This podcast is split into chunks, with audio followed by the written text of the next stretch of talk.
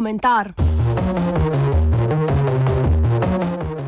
Sjajna Amerika.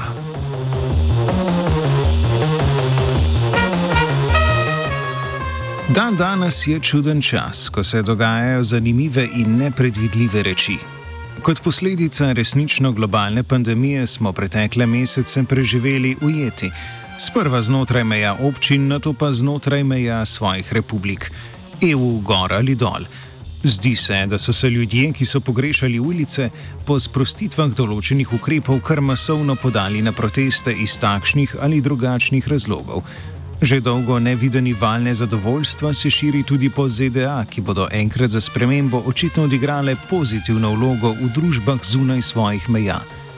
Govorimo seveda o demonstracijah, ki sledijo umoru Georgea Floyda, temnopoltega civilista, ki je le zadnja žrtev na dolgem seznamu umorjenih posameznikov, katerih smrt so zagrešili policisti.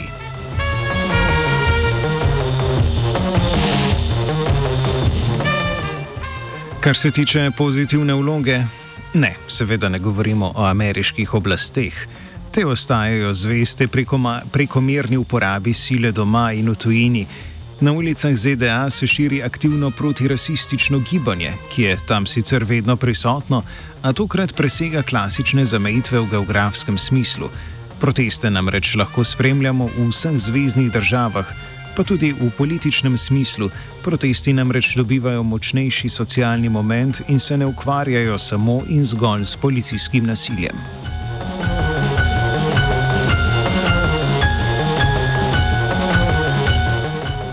Ameriška kultura je globalna kultura. Kar se zgodi v ZDA, ima praviloma vpliv na dogajanje drugot. Veliko vlogo pri tem igra tudi angleščina kot moderna lingua franca. Zato mediji o tamkajšnjem dogajanju poročajo intenzivneje, kot bi morali. Mogoče tudi zato pišemo ta komentar.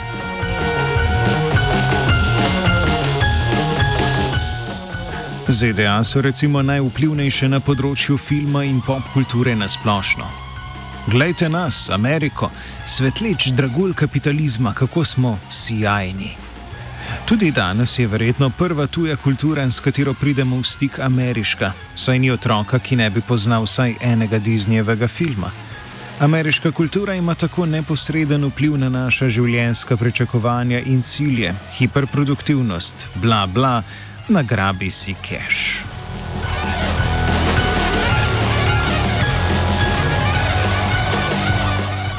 Tokrat temu ni tako. Po umoru Georgea Floyda je v ZDA intenzivneje začelo delovati gibanje Black Lives Matter, ki se zauzema za boj proti rasizmu in se še posebej bori proti policijskemu nasilju, ki ga možje v modrem izvajo nad vsemi, ki ne ustrezajo sliki popolnega belega rdečeličnega američana. Opozarja tudi na sistemsko diskriminacijo drugačnih in na posledice, do katerih pride zaradi nje. Ker pa do sodnih postopkov zopr rasistične policiste ne pride, je v ZDA prišlo do masovnih protestov, ki se že več kot teden dni odvijajo v vseh večjih in tudi manjših ameriških mestih.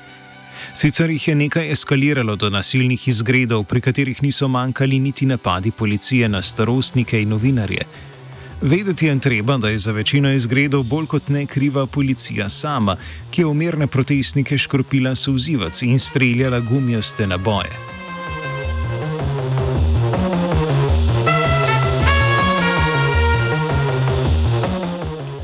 Gibanje dosega prve majhne zmage.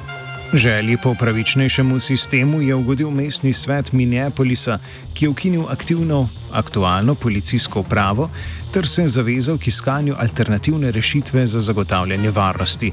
Tudi v New Yorku je župan delno odozel financiranje policiji in ga raje namenil socialnim delavcem v getih.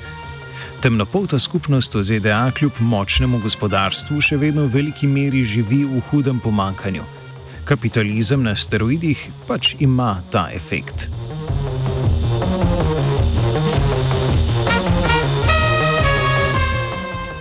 Množični organizatori protestov pa niso prekaljeni demokrati, ki bi priložnost izkoristili za zadnje sekunde oglaševanja pred volitvami, pač pa gre večinoma za skupine mladih, ki se zavedajo, da ameriški sistem ni trajnosten in kliče po spremembi. Demokrati, ki so, tako kot republikanci, pač stranka bogatih, pa protestom javno niso dali resne podpore, saj so za njihov okus malce preveč revolucionarni. Poleg zahtev za končanje sistemskega rasizma so se pojavili klici po socialni državi, manjši vojski in regulaciji trga. Te progresivne ideje so bile nekdaj rezervirane za radikalne skupine na univerzitetnih kampusih, danes pa prehajajo v mainstream. Čeprav starca, ki se bosta novembra udarila za mesto predsednika, tega resnično ne odražata. Javno zdravstvo ni enačeno s komunizmom in ta tudi ni več povezan z ultimativnim zlom. Gre za gibanje, ki nima političnega zastopstva na najvišjih instancah, njen vpliv pa se čuti tudi v Evropi.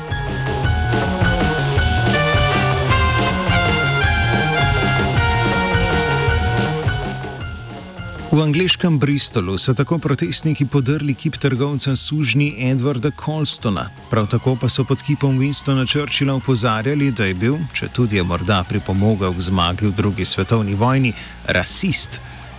Prav tako sta se kolonializem in zavojevanje tujih držav zdela kot veličasten podvig, ki bo osvobodil domorodce lastne barbarskosti.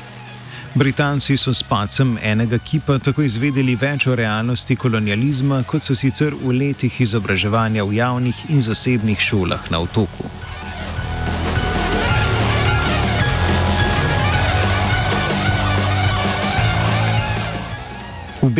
Pa je pritisk ljudstva dosegel umik kipa kralja Leopolda II., katerega mandat najbolj pomnijo v današnji Demokratični republiki Kongo, kjer je kot formalni lasnik tega ozemlja podpiral najbolj brutalne oblike izkoriščanja tamkajšnjega prebivalstva in naravnih dobrin.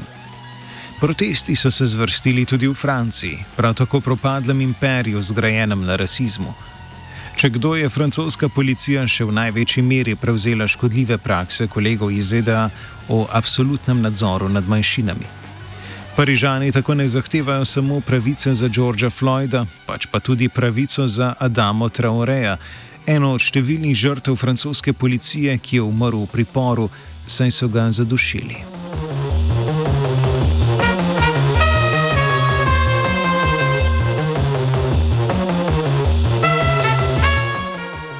Seveda pa ima vsako gibanje svoje omejitve. Nekje naleti na podporo, a je ta osredotočena na problem tam nekje, ker ga težko preslika v lastno družbo. Primer za to je Slovenija. Sicer je res, da se v kolpi utopi mnogo prebežnikov, tistim, ki prispejo na slovenski breg, pa ni dana možnost začetka postopka za pridobitev azila. A to so neki drugi. Slovenci nismo izpostavljeni pretiranemu policijskemu nasilju in se z gibanjem ne moremo popolnoma identificirati. To ne pomeni, da Slovenija ni rasistična. Slovenski rasizem se primarno meri glede na odnos do Romov ali beguncev, najnujno temnopoltih, kot velja za ZDA. Segregacija, revščina, visoka brezposelnost, ignoranca oblasti se sliši znano.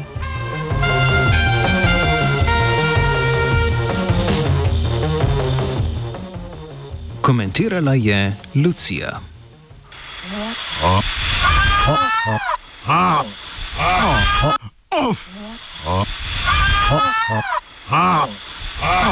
Off komentar.